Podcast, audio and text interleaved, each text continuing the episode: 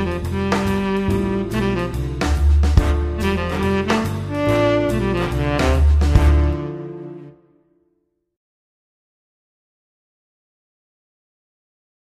Dobry wieczór Państwu. Y, miło mi bardzo, że Państwo przyszli, ponieważ w ostatnich czasach w Warszawie bardzo wiele jest imprez o tematyce żydowskiej i one często się e, nakładają na siebie. Tak to ma miejsce również i dzisiaj. E, dziękuję Pani Jannie za to wprowadzenie. Dziękuję również e, nieobecnemu w tej chwili doktorowi Krzysztofowi Persakowi, który zaprosił mnie do wygłoszenia tego wykładu.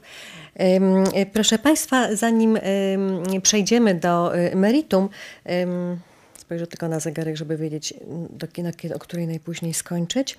E, chciałabym, żebyśmy ustalili sobie, o czym będziemy mówić, żeby nie było później e, jakiejś niejasności. Ja mówię o e, kulturze żydowskiej w powojennej Polsce, mając przez to na myśli kulturę tworzoną w języku jidysz.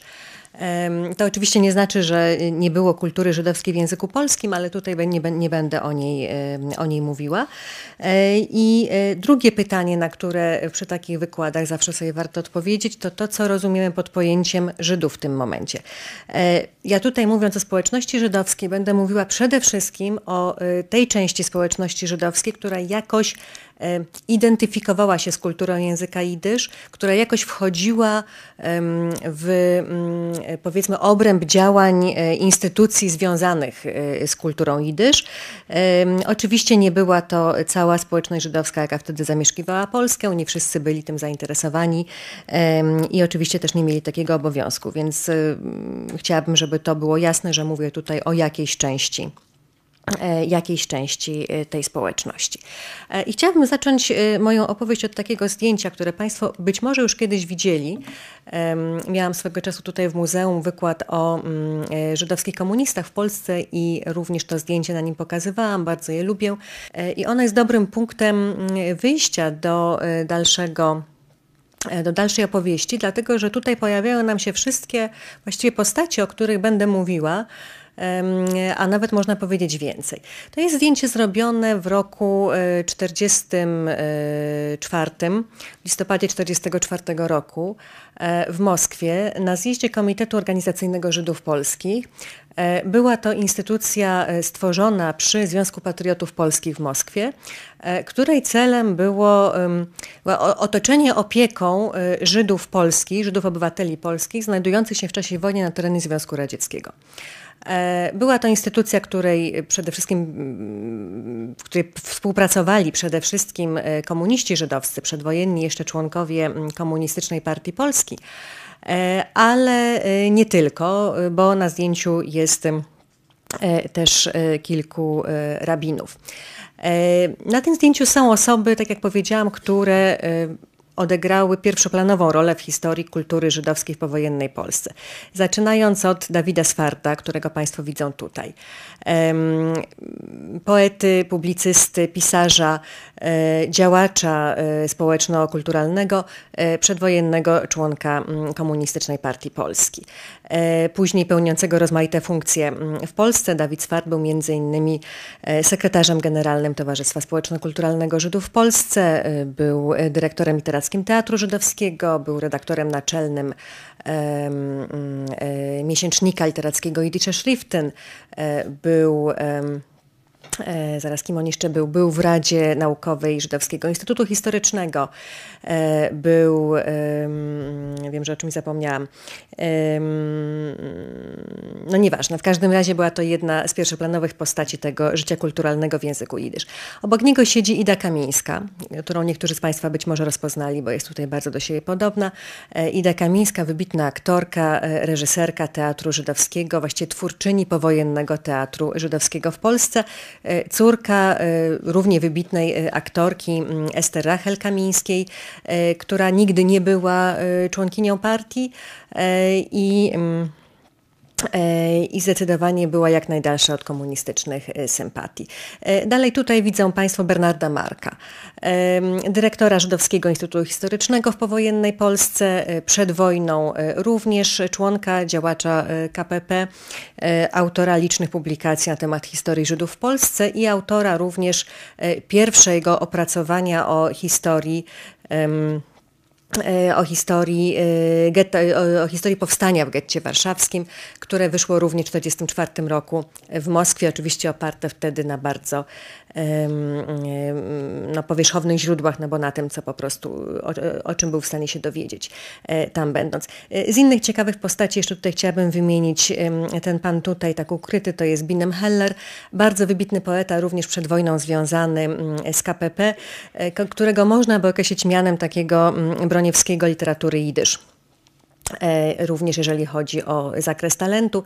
Z innych wybitnych poetów już nie związanej z KPP. Na tym zdjęciu chciałabym wskazać na przykład Mojsze Brodersona, związanego przed wojną z awangardą e, jidyszową w Łodzi, e, który później odsiedział swoje w łagrach radzieckich. A tutaj, mm, mam nadzieję, że dobrze pokazuję, e, bo patrzę tak pod kątem, ten pan taki z półprofilu, to z kolei bardzo wybitny, właśnie najwybitniejszy dwudziestowieczny poeta języka jidysz Abraham Sutzkever, który zmarł kilka lat temu dopiero w Izraelu. Więc to jest takie wprowadzenie do naszej dalszej historii. Jak, jak Państwo widzą z tego zdjęcia, ci ludzie przeżyli wojnę w Związku Radzieckim i zdecydowana w ogóle większość ludzi, którzy po wojnie tworzyli E, tworzyli e, kulturę jidysz w Polsce, to byli ludzie, którzy przeżyli w Związku Radzieckim, niektórzy uciekli tam po wybuchu wojny ze względu na swoje komunistyczne sympatie, inni uciekli, jeśli można tak powiedzieć, tak po prostu, bo uciekali przed hitlerowcami. To doświadczenie przeżycia e, w Związku Radzieckim właściwie na wszystkich z nich odcisnęło jakoś swoje piętno i również rzutowało na ich późniejszą pracę, o czym jeszcze będę mówić. To, o czym w ogóle będę mówiła, o tym już E, już wcześniej pisałam i przyjmuję tutaj w tym wykładzie taki podział e, okresu powojennego, e, jaki swego czasu przyjęłyśmy razem z profesor Magdaleną Rutą. Mm, otóż pisałyśmy kiedyś na ten temat wspólny artykuł, który ukazał się w takim dużym tomie zbiorowym. Być może niektórzy z Państwa mieli go w ręku. Wydany pod redakcją błogosławionej pamięci profesora Feliksa Tycha i profesor Moniki Adamczyk-Garbowskiej. Taki duży tom nazywał się Następstwa zagłady Żydów. 1944-2010 chyba była ta cezura końcowa.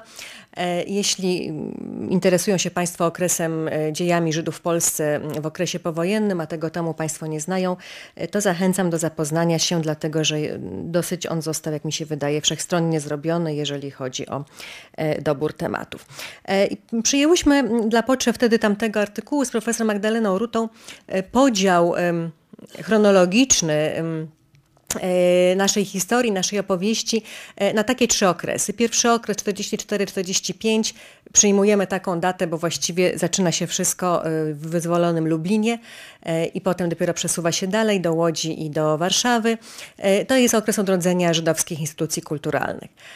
Później lata 50. do 55 roku to oczywiście jest ciemna noc stalinizmu w Polsce i to jest kultura jidysz, podobnie jak wówczas również kultura polska mm, w służbie ideologii socjalistycznej.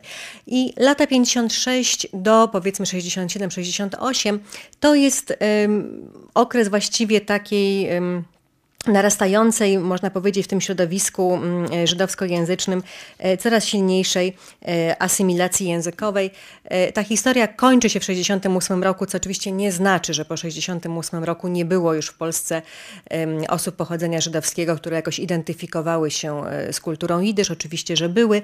Natomiast, jeżeli tak można powiedzieć, w pewnej mierze ta instytucjonalna historia kultury jidysz w tym 1968 roku się kończy. Będę o tym oczywiście mówiła szerzej. E, I teraz przejdziemy do pierwszego, e, pierwszego właśnie e, okresu, czyli do, do 49 roku. Wymieniłam tutaj Państwu kilka zaledwie instytucji, właśnie to są wszystkie główniejsze instytucje, które działały wówczas na tak zwanej ulicy Żydowskiej, czyli w środowisku, w środowisku żydowskim, zaczynając od Centralnego Komitetu Żydów w Polsce. Sądzę, że na tym cyklu wykładów, który tutaj się odbywa w muzeum, już Państwo o komitecie wielokrotnie e, mogli słyszeć, e, czymś w rodzaju takiej nadrzędnej instytucji zajmującej się rozmaitymi aspektami e, Żydów w Polsce, utworzonej zresztą oddolnie, czyli przez samą społeczność żydowską. E, I część tutaj z rozmaitych inicjatyw kulturalnych była e, prowadzona właśnie pod auspicjami CKŻP. Centralna Żydowska Komisja Historyczna, przekształcona w Żydowski Instytut Historyczny, którego 70-lecie obchodzimy w tym roku. Reaktywowany Związek, Związek Literatów i Dziennikarzy Żydowskich, który istniał również przed wojną i jest wspominany w wielu pamiętnikach y, żydowskich z międzywojennej Warszawy. To była taka dosyć, dosyć ważna instytucja na tej mapie kulturalnej przedwojennej Warszawy. On oczywiście był tylko cieniem dawnej świetności. Trudno powiedzieć nawet nam dokładnie, ile, mm, e, ilu liczył członków w którym momencie, ponieważ E, liczba ta właściwie stale ulegała zmianom. Jedni się repatriowali do Polski ze Związku Radzieckiego, inni wyjeżdżali dalej na zachód albo wówczas jeszcze do Palestyny, potem do Izraela. E, zatem E, istniał on do 1949 roku, w 50 został e, włączony w skład Związku Literatów Polskich. E, Związek Artystów Scen Żydowskich, one przez pewien czas działały razem ze Związkiem Literatów. Spółdzielnia Filmowa Kinor. Również sądzę, że mm, kojarzą Państwo zapewne fragmenty przynajmniej dwóch filmów, które zostały zrealizowane w powojennej Polsce mm, i dwóch filmów dokumentalnych o życiu żydowskim. E, przy czym e, w których na przykład pojawia się scena wydobycia archiwum e, Ringelbluma. Te filmy są tutaj prezentowane na wystawie muzeum w galerii poświęconej powojniu. Żydowskie Towarzystwo Krzewienia Sztuk Pięknych, to jest znowu reaktywacja Towarzystwa Przedwojennego. Wydawnictwo Idiszbuch, jedna z ważniejszych jedna z ważniejszych instytucji kultury e, Idisz w powojennej Polsce. E, co ważne, tutaj godne podkreślenia, wydawnictwo państwowe, to znaczy oni działali na podstawie subsydiów państwowych. No i dalej Centralna Biblioteka Żydowska i na samym końcu Żydowskie Towarzystwo Kultury, które funkcjonowało pod auspicjami CKŻP i było kierowane przez żydowskich komunistów i które ostatecznie przejęło właściwie monopol działań na E, w tym e, środowisku. E, teraz tak, jeżeli możemy mówić o jakichś cechach charakterystycznych tego, okre tego pierwszego okresu, to można wymienić trzy takie powracające wątki w tych działaniach, czy też najważniejsze. Pierwsze to jest absolutna dominacja tematyki zagłady, czemu się oczywiście trudno E, trudno dziwić. E, tutaj pozwolę sobie przeskoczyć, żeby Państwu pokazać. To są obchody e, rocznicy powstania w getcie warszawskim jeszcze przed odsłonięciem pomnika. To jest rok 47 i nie wiem dlaczego to mi przeskakuje. To jest rok 47 i tutaj ta delegacja, którą widać o, tutaj w środku to jest delegacja pisarzy żydowskich. E, w środku stoi właśnie Dawid Swart. Koło niego, jeżeli dobrze widzę z tej odległości, to jest e, wybitny pisarz Leib Olicki, który również e, tworzył w Polsce w latach 50., 60. i który nigdy nie był partyjny. Więc po pierwsze to jest absolutna dominacja tematyki zagłady. E, poświęcone są temu e, i obchody właśnie rozmaite rocznicowe e, i jeżeli się organizowane wówczas na przykład e, konkursy na plakat z okazji czwartej, a potem piątej rocznicy powstania w getcie warszawskim, e, ukazujące się wówczas almanachy literackie są przede wszystkim poświęcone pamięci męczenników, tych, którzy zginęli, pamięci ofiar, tych, którzy zginęli w zagładzie. Ten wątek dominuje i na dobrą sprawę trudno się temu dziwić. Oczywiście część część, spora część twórców, tak jak mówiłam wcześniej, przeżyła w Związku Radzieckim, nie była tutaj e, w czasie zagłady, e, straciła e, najbliższych. Jest to jakaś próba uporania się z tą traumą, próba przeżycia żałoby.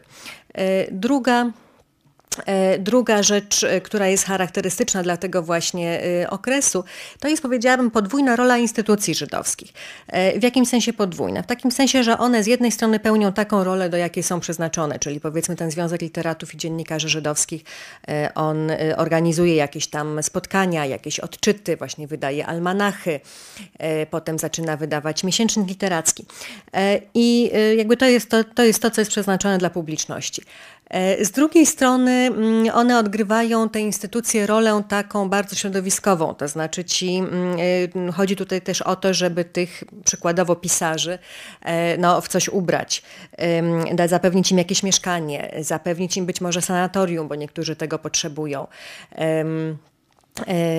jest, zachowała się e, z tamtego czasu, czyli 46 roku, taki rodzaj jakby kroniki prowadzonej właśnie przez Związek Literatów, w której odnotowywano właśnie rozmaite zapomogi wydawane rozmaitym osobom. Zachowały się pisma do rozmaitych instytucji. Wiemy z nich e, przykładowo, że właśnie e, wybitny poeta Abraham Suckewer, który wrócił, repatriował się w 1946 roku ze Związku Radzieckiego, dostał takie mm, pismo polecające do jakiejś spółdzielni żydowskiej z prośbą o to, żeby mu wydać trzy pary obuwia, tak, dla niego, dla jego żony, dla jego córki.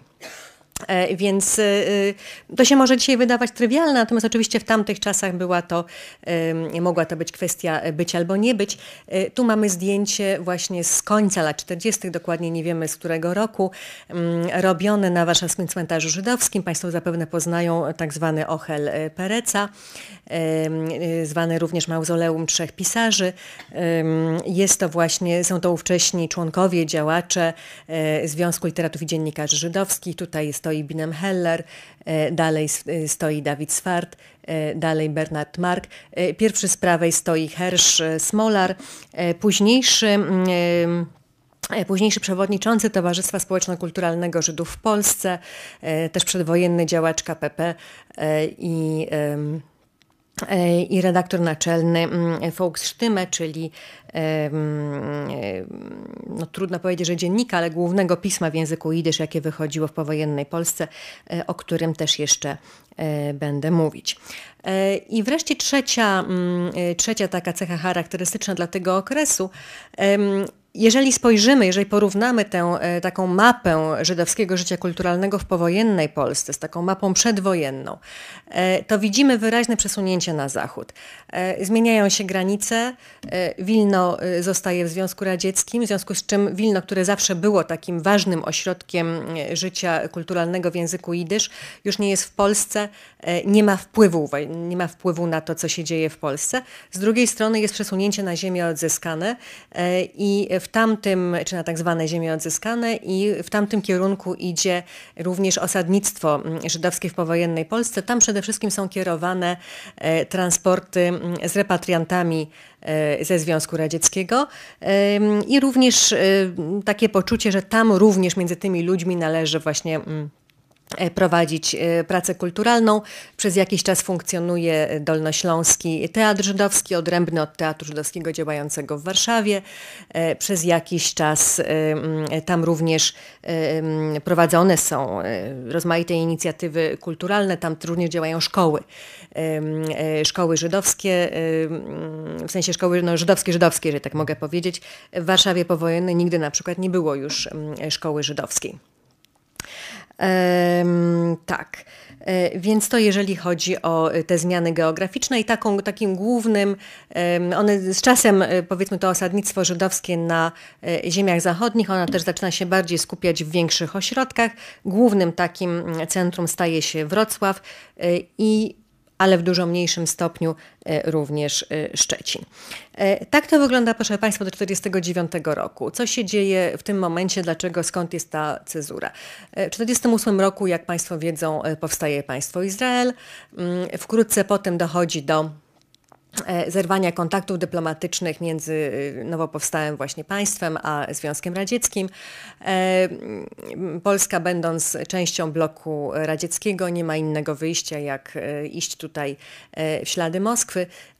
I ta względna liberalizacja tego pierwszego powojennego okresu, która się właśnie przejawia, przejawiała się tym, że można było tworzyć, od, czy od, tworzyć czy odtwarzać e, rozmaite, mm, rozmaite instytucje, rozmaite stowarzyszenia, e, ona zaczyna się kurczyć. Tutaj jeszcze pokażę Państwu, to właśnie jest zdjęcie z Wrocławia 1947 roku. Niewątpliwie ono jest, jak Państwo widzą, no nie, nie robi wrażenia naturalnego, prawda? E, nie ma co do tego wątpliwości. Niewątpliwie jest to e, zdjęcie do pewnego stopnia mm, propagandowe, e, jak wygląda czytanie prasy mm, żydowskiej w powojennym Wrocławiu. Ale na przykład, co ciekawe, Proszę zwrócić uwagę na to, że są czytane różne tytuły. Tu na przykład widać, że to są Mosty. To był taki tygodnik o profilu syjonistycznym. To jest rok 47, więc to jest jeszcze możliwe. A tutaj jest Dosnaje Leiben. To był E, to było pismo e, Centralnego Komitetu e, Żydów w Polsce. Więc nawet na zdjęciu no, pozowanym, bo nie ulega wątpliwości, że ono jest pozowane, pluralizm poglądów jest do wytropienia i to bez większego wysiłku. To wszystko się właśnie w tym 1949 roku kończy. Wówczas odbywa się Żydowskie Towarzystwo Kultury, właśnie działające pod, pod kierownictwem żydowskich komunistów, organizuje taki zjazd, e, zjazd e, kultury, e, coś na modłę zjazdu szczecińskiego w literaturze polskiej, tylko że oni się właśnie zjeżdżają we Wrocławiu. I tam pojawia się takie, e, pojawia się takie oczekiwanie, że właściwie literatura jidysz jakoś powinna odpowiedzieć na zapotrzebowanie e, ze strony e, socjalizmu. Także jakoś powinna, właściwie to się powinno już przestać pisać o tych ofiarach i o, tym, i o tej zagładzie, a raczej skoncentrować się na tym, że tutaj się prawda, kraj odbudowuje i że w jakoś mm, pisarz żydowski musi, musi w ten sposób również e, w tym e, wziąć udział. Tutaj zacytuję E, zacytuję taki fragment, wydano później drukiem przemówienia, jakie były wygłaszane na tym, e, na tym zjeździe. Pozwolę sobie zacytować jeden z fragmentów. To właśnie jest z wystąpienia Binema Hellera, który mówił o, o zadaniach literatury żydowskiej w Nowej Polsce e, i który powiedział, że ogólnie biorąc należy stwierdzić, że pisarz żydowski w Polsce żyje i tworzy w oderwaniu od mas ludowych. E, jeśli pisarz nie będzie oddychał atmosfery od dnia dzisiejszego, wszystko, cokolwiek stworzy o dniu wczorajszym, będzie również martwym płodem. Co oczywiście jakby najbardziej wpisuje się w ówczesne, mm, w ówczesne trendy y, kulturalne y, obowiązujące, mm, obowiązujące w państwie. E, następny okres, który mm, który e, wydzieliłyśmy z e, profesor Magdaleną Rutą, kiedy swego czasu pracowałyśmy nad tym tematem, no to jest właściwie taka czarna noc polskiego mm, stalinizmu, czyli do roku 55, więc nawet dłużej niż stalinizmu, bo wykraczająca nawet poza śmierć Stalina. I tutaj z kolei są trzy, trzy takie ważne tematy, które w związku z tym należy poruszyć. Y, rzecz pierwsza to jest y, to, co się w języku jidysz nazywa Nusechpoilen, co można tłumaczyć jako polski wariant.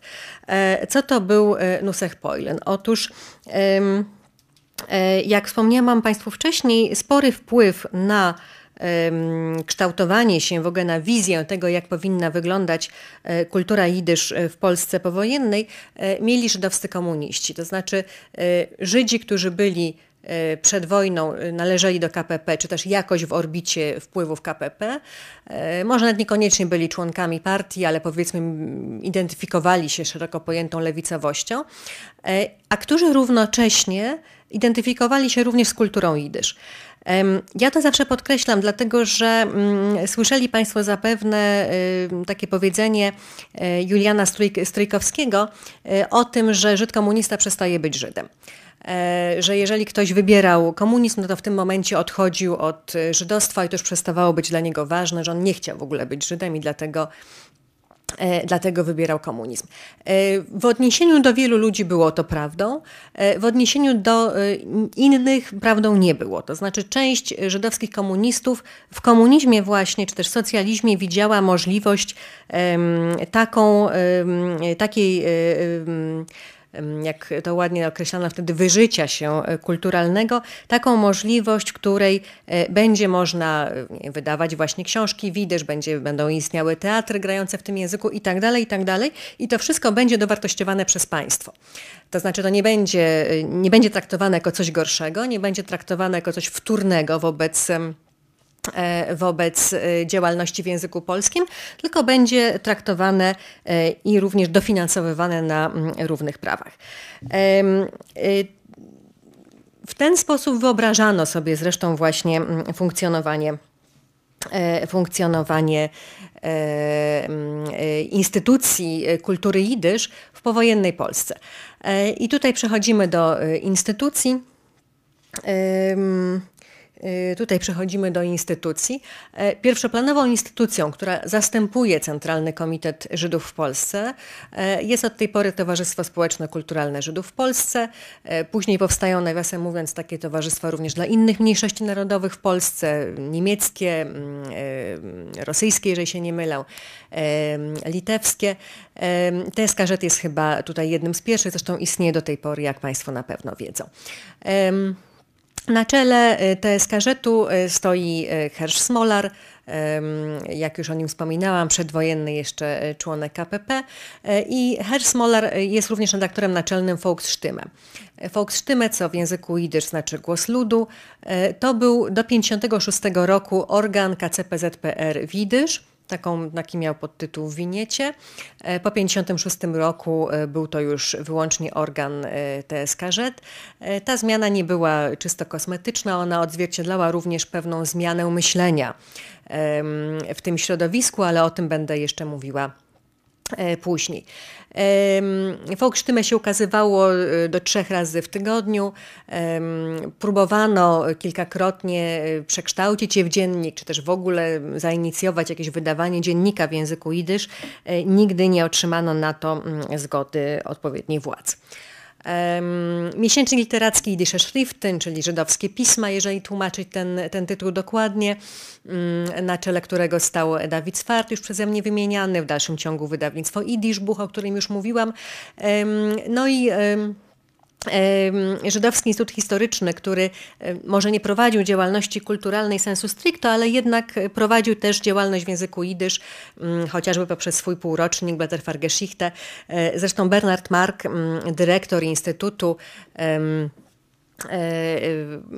był akurat dobrym znawcą e, literatury jidysz i bardzo chętnie na ten temat również prowadził wykłady.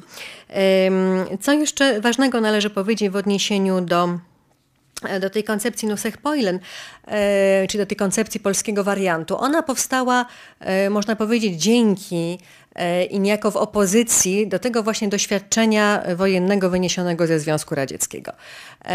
Otóż ci przedwojenni komuniści, którzy tam, mm, mówię o komunistach żydowskich, którzy trafili, przeżyli wojnę dzięki pobytowi w Związku Radzieckim, oni wrócili stamtąd, generalnie rzecz biorąc, przeświadczeni o tym, że właśnie dosyć wcześnie przeświadczenie o tym, że powinna istnieć jakaś forma socjalizmu z ludzką twarzą.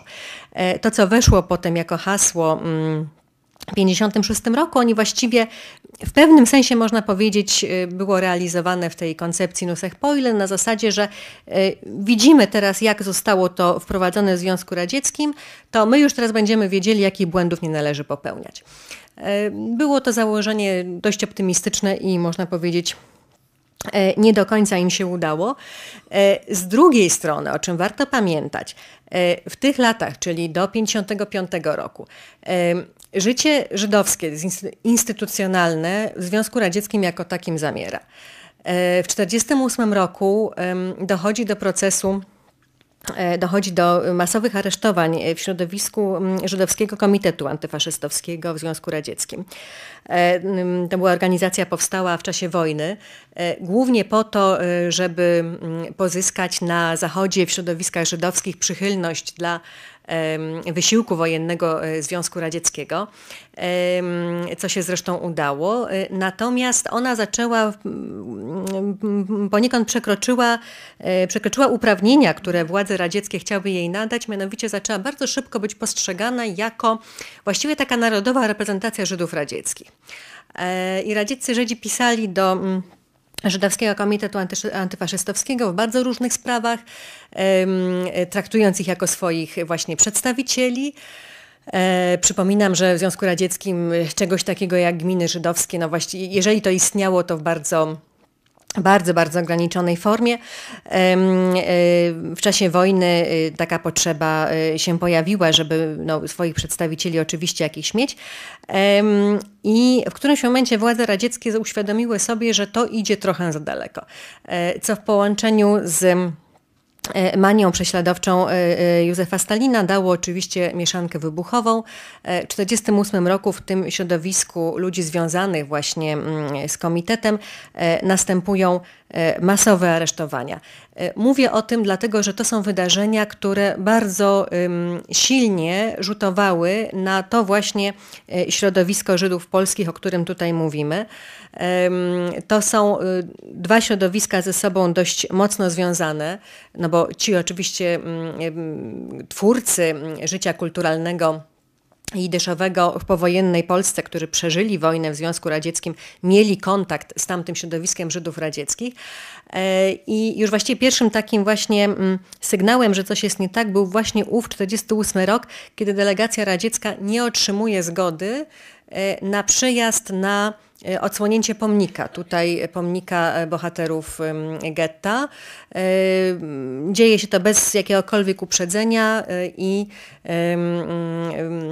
tutaj Żydzi polscy są tym faktem mocno zbici z tropu. Nie, otrzymuje też, nie otrzymują też radzieccy pisarze jidyszowi zgody na to, żeby udać się do Polski z jakimś takim turnę literackim wśród ocalałych Żydów. Był, był taki pomysł takiego turnę literackiego po Dolnym Śląsku, E, władze radzieckie znowu nie wyraziły zgody. E, I wreszcie e, kontakty kontakty się urywają, to znaczy przestają, przestają przychodzić listy i przestają również odpowiadać, odpowiadać telefony. Potem oczywiście y, po paru latach y, wiadomo już, y, co się, co się wydarzyło. Mianowicie te wszystkie instytucje żydowskie, jakie działały do 1948 roku zostają zlikwidowane lub w najlepszym przypadku zawieszone. Właściwie wszyscy pierwszoplanowi działacze są aresztowani, a duża część duża część przywódców Żydowskiego Komitetu Antyfaszystowskiego, a są to najwybitniejsi ówcześni twórcy kultury jidysz, e, pisarze, poeci, aktorzy, zostaje po prostu e, zamordowana po bardzo dramatycznym e, procesie, którego stenogramy zresztą wydano swego czasu po rosyjsku w latach 90., e, a myśmy je kiedyś w piśmie Cwiszyn tłumaczyli we fragmentach na polski. Warto o tym wiedzieć też dlatego, że jeżeli nie ma się z tyłu głowy tego, mm, tego kontekstu radzieckiego, to wówczas łatwo jest pomyśleć o tym, że to życie kulturalne mm, w języku jidysz w Polsce w tym czasie, w tych latach 50. jest po pierwsze takie strasznie schematyczne, po drugie takie strasznie podporządkowane władzom, partii i takie, w jakim by to określić, no, służalcze. Tak? Natomiast e, jeżeli ma się w pamięci to, że e, alternatywą nie było, nie, był pełen liberalizm, nie była, nie była pełna wolność słowa, tylko były na przykład łagry, e, no to wygląda to mm, E, wygląda to troszeczkę e, inaczej. E, tu chciałam Państwu pokazać, to jest redakcja Volksstimme z lat 50., to jest zdjęcie zrobione prawdopodobnie na ulicy Nowogrodzkiej. Widzą, nie, wracaj nie to. E, widzą Państwo tutaj e, Hersza Smolara, obok niego Binem Heller, Daniel, e, dalej Bernard Mark. Tutaj jest Dawid Swart, po prawej koło niego Michał Mirski, taki też mm, dosyć dogmatyczny, trzeba powiedzieć, działacz TSK Żetu i niespecjalnie, mm, niespecjalnie popularny, jeden właśnie z takich przykładów takich twardych stalinowców w tym środowisku. Jedyna kobieta w tym gronie to jest poetka mm, Hadasa Rubin. E, jest to jednak grono przede wszystkim e, męskie. Wracając jeszcze do tego, o czym właśnie e, mówiłam wcześniej, ta twórczość literacka, widysz w tym czasie właśnie ta działalność, one są wszystkie podporządkowane ideologii socjalistycznej. To, co się tworzy widysz, kultura jidyszowa w ogóle ma być żydowska forma i socjalistyczna w treści. Dokładnie zresztą tak samo jak kultura polska w tym czasie, więc to nie jest tutaj akurat nic takiego nieoczekiwanego. Tu mają Państwo e, przykład, e, właściwie są to takie zdjęcia, jakie znamy, tylko że ten napis jidyszowy moglibyśmy zastąpić napisem jakimś w języku polskim, prawda? E, napisane jest, widzę, że książka walczy o pokój i socjalizm. Jest to prawdopodobnie jakaś impreza wydawnictwa Idisz Buch. Przemawia Binem Heller. E, Binem Heller, jak już powiedziałam, był właściwie chyba najbardziej utalentowanym poetą tworzącym wówczas w Polsce w języku jidysz, albo też jednym z najbardziej utalentowanych.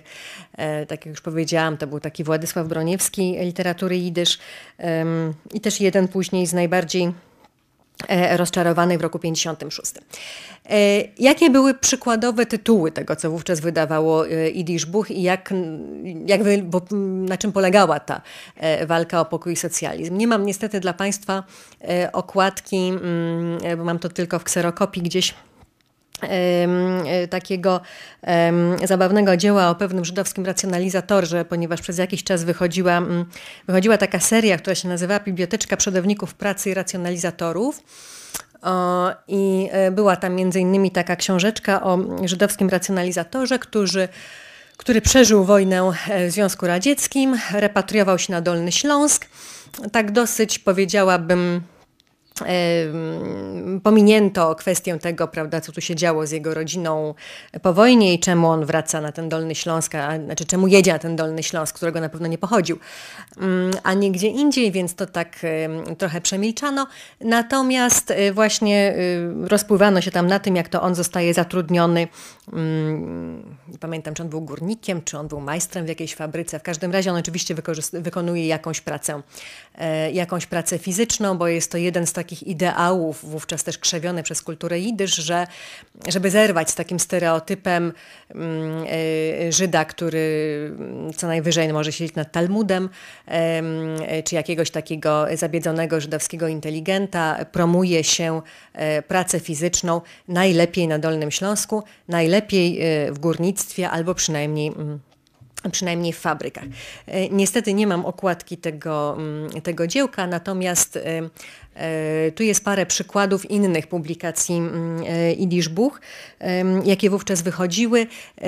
Po lewej powstanie w getcie warszawskim mm, Bernarda Marka, nie najlepszy w sumie przykład y, pracy naukowej, mówiąc bardzo delikatnie, bardzo tendencyjnie napisanej i eksponującej wbrew faktom e, rolę komunistów w getcie warszawskim, e, czy innego rodzaju dzieło Szymona Zachariasza, e, jednego z wybitnych, znaczy głównych przedstawicieli żydowskich komunistów przed wojną w KPP.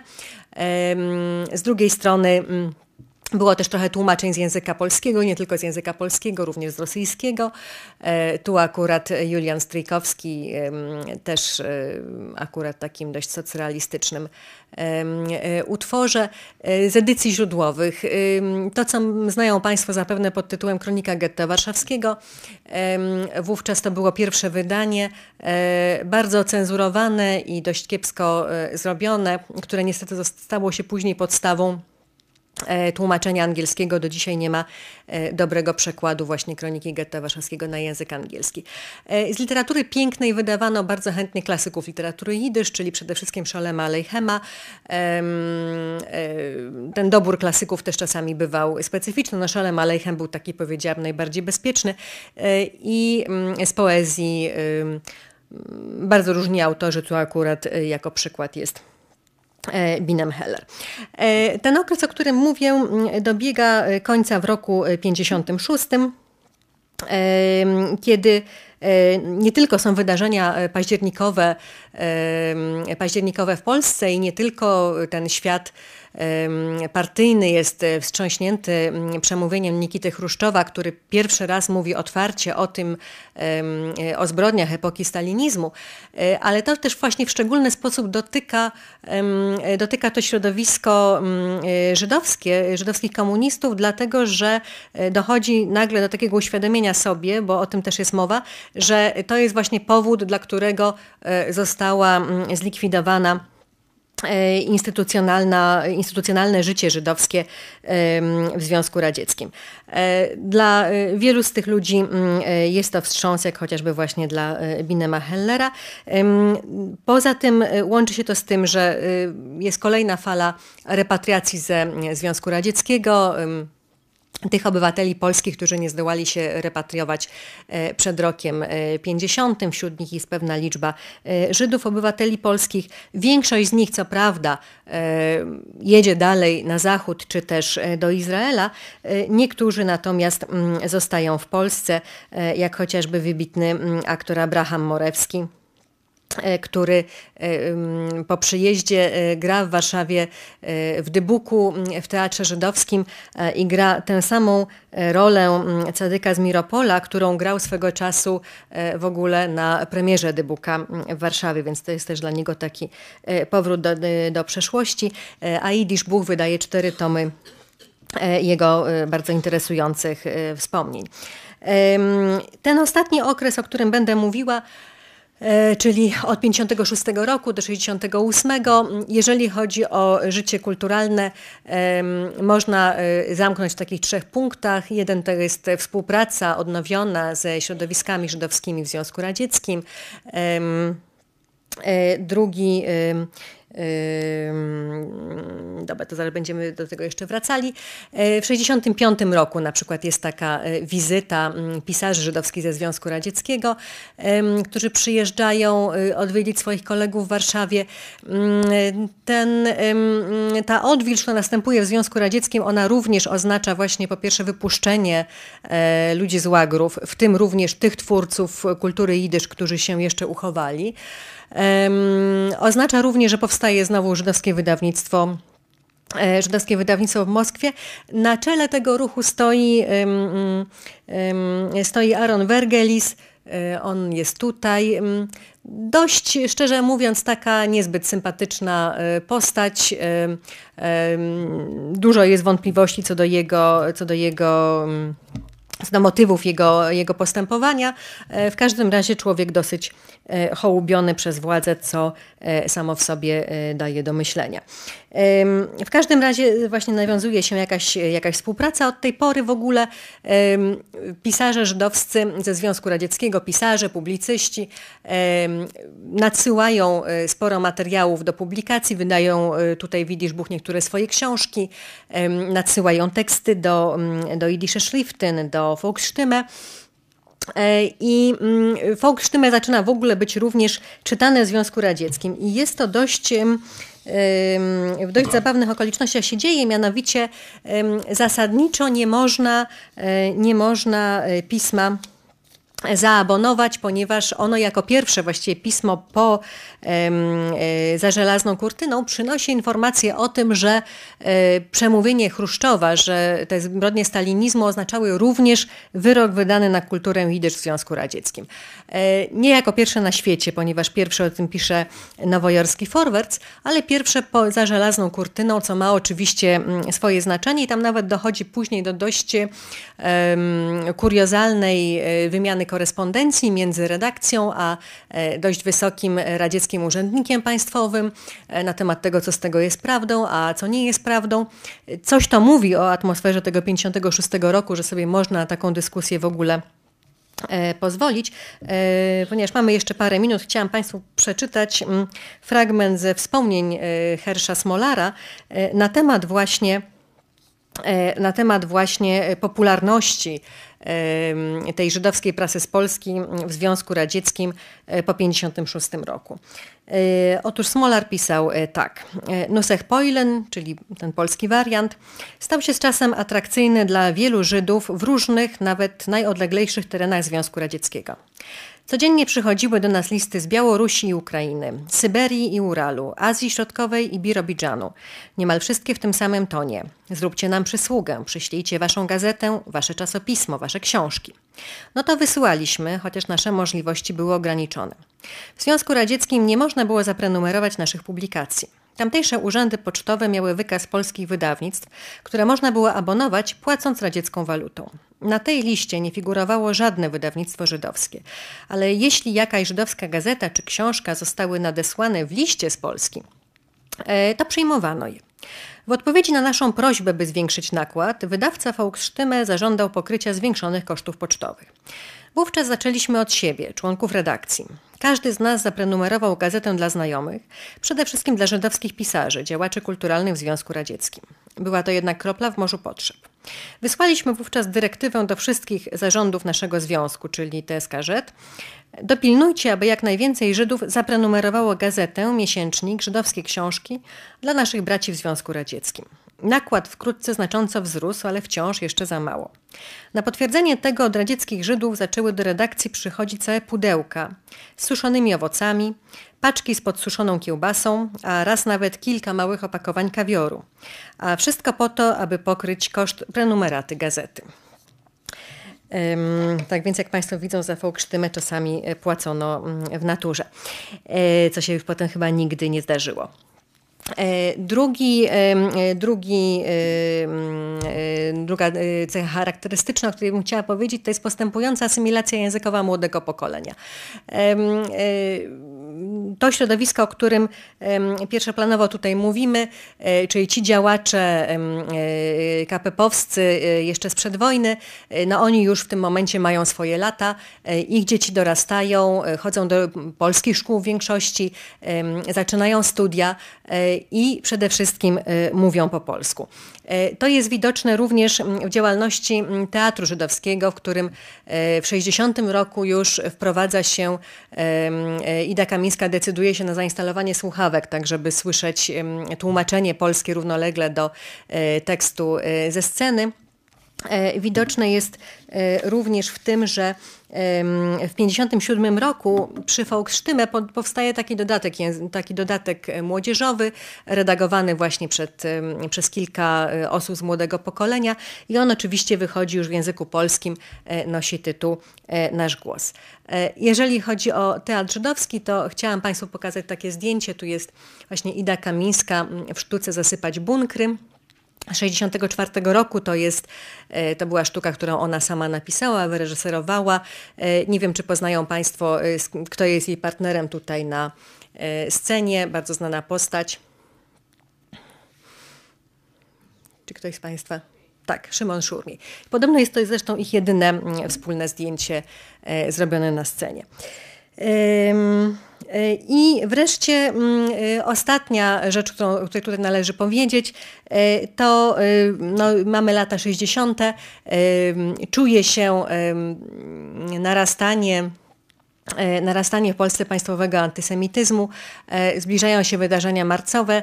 E, jednym z takich dokumentów, o których, o których warto wspomnieć, to jest dziennik Bernarda Marka, który ciągle jest jeszcze wówczas dyrektorem Żydowskiego Instytutu Historycznego. I Mark na przełomie 65 i 66 roku zaczyna prowadzić dziennik. Prowadzi go bardzo krótko, dlatego że tylko do lutego 66, a w kwietniu tego samego roku już umiera. Jest już wówczas ciężko chory e, i to jest bardzo przejmujące świadectwo takiego narastającego rozczarowania, powiedziałabym, takiego e, wieloletniego komunisty, który widzi, że właściwie to wszystko, o co on, e, to wszystko, o co on walczył, e, to wszystko, mm, na czym mu zależało, jakoś nie wyszło, czy też wyszło zupełnie na opak.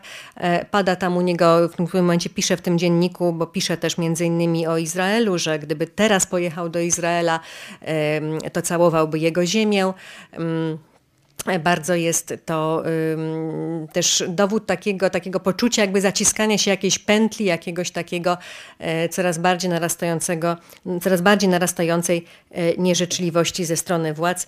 E, ten dziennik był swego czasu przeze mnie, przeze mnie tłumaczony i publikowany w kwartalniku historii Żydów, czyli w dawnym biuletynie w dawnym biuletynie Żich. Y, y, polecam Państwu tę lekturę, y, bo wydaje mi się naprawdę bardzo ciekawa. I oczywiście tym ostatnim, ostatnim akordem tutaj są wydarzenia marcowe. One są tym ostatnim akordem dlatego y, między innymi, że dochodzi wówczas do takiej sytuacji, która nigdy przedtem nie miała miejsca, mianowicie wcześniej oczywiście wszystkie publikacje, jakie wychodzą w języku jidysz są i idą przez cenzurę. E, przez cenzorów żydowskich, no bo oni znają język. Nie jest to żadna jakaś szczególna szykana akurat wobec tej społeczności, ponieważ cenzurowane jest, jak Państwo wiedzą, wszystko. Publikacje w języku polskim są również cenzurowane. Natomiast y, w 1968 roku y, do y, właśnie Urzędu Kontroli Prasy, Publikacji i Widowisk wezwani są właśnie liderzy tej społeczności, czyli Hersmolar, czyli Dawid Swart, ktoś tam chyba jeszcze z nimi idzie, ale ich dwóch pamiętam z całą pewnością, którym się mówi, że możecie sobie dalej oczywiście publikować widyż, ale jest jeden warunek, że od tej pory y, wszystko, co przynieście do druku, e, ma być zaopatrzone w tłumaczenie na język polski. Chyba, że są to teksty, które wcześniej wyszły po polsku, na przykład teksty jakichś obwieszczeń prawda, urzędowych. E, to jest warunek, który na dobrą sprawę rozwala całą pracę mm, E, całą pracę e, kulturalną, no bo praktycznie rzecz biorąc oznacza to, że albo należy, że znaczy nie jest rzeczą możliwą, żeby dostarczać każdy tekst napisany od zera, jak Państwo sobie wyobrażają, żeby go do, przedkładać do cenzury razem z tłumaczeniem na język polski. Zwłaszcza jeśli mówimy na przykład o książkach czy o tomach poetyckich, tak? Przecież nie mówimy tylko o tekstach publicystycznych. I w tym momencie E, w tym momencie e, Dawid Swart zapisuje potem w swoich wspomnieniach, że e, oni usłyszawszy ten, mm, to, to żądanie powiedzieli, że w takim razie nie rozumieją, jak to jest możliwe, że w tej koszmarnej, sanacyjnej, przedwojennej Polsce władze miały swoich cenzorów żydowskich, którym ufały, a tutaj, prawda, jakby tyle lat budujemy socjalizm i najwidoczniej nie ma żadnych Żydów, którym można zaufać, jak to jest właściwie E, możliwe. E, jest to dla nich taki, e, taka kropla, która przelewa czarę. Właściwie wszyscy, czy zdecydowana większość tych liderów życia kulturalnego w języku jidysz emigruje po marcu. Mm, część z nich zresztą wyjechała już wcześniej, po 1956 roku. Wtedy na przykład wyjechał Binem Heller. Dawid Swart wyjeżdża w roku 69. E, jak Państwo zapewne wiedzą, jak pewne relikty tego życia funkcjonują e, do dzisiaj, Volksstimme zostało na początku lat 90. przekształcone w pismo pod tytułem e, Słowo żydowskie do Jiddische Wort. To jest kontynuacja Volksstimme. Przedtem jeszcze z roku na rok właściwie ta część polskojęzyczna zaczyna zajmować w piśmie coraz więcej miejsca. Do dzisiaj, jak Państwo wiedzą, funkcjonuje teatr żydowski. E, do dzisiaj e, również istnieje TSKZ. E, natomiast niewątpliwie ten rok 68, jeżeli nawet on nie kładzie zupełnie kresu tej działalności kulturalnej w języku jidysz, bo rzeczywiście nie kładzie, to jednak jest takim, takim zdecydowanym taką bardzo wyraźną cezurą, która jednak w dużej mierze jakby kończy takie życie instytucjonalne w języku jidysz, a miejsce mm, kultury, e, kultury jidysz, kultury żydowskiej widysz w Polsce od tamtego momentu powoli zaczyna zajmować e, kultura e, o Żydach już w języku polskim. Można powiedzieć, że takim ostatnim akordem tej historii jest E, ostatnia książka, jaka wychodzi w języku jidysz. W Polsce mm, e, w roku 83 e, książka o Żydach wołyńskich mm, Daniela Kaca, która ma część jidyszową, część polską. I to jest ostatnia książka w języku jidysz, jaka wychodzi, aczkolwiek w ostatnich latach widzimy pewne, mm, pewne wysiłki, żeby tę sytuację żeby tę sytuację zmienić. Tym niemniej jednak ten 68 rok jakąś cezurę tutaj e, tworzy. E, ja na tym e, zakończę. Dziękuję Państwu bardzo za uwagę.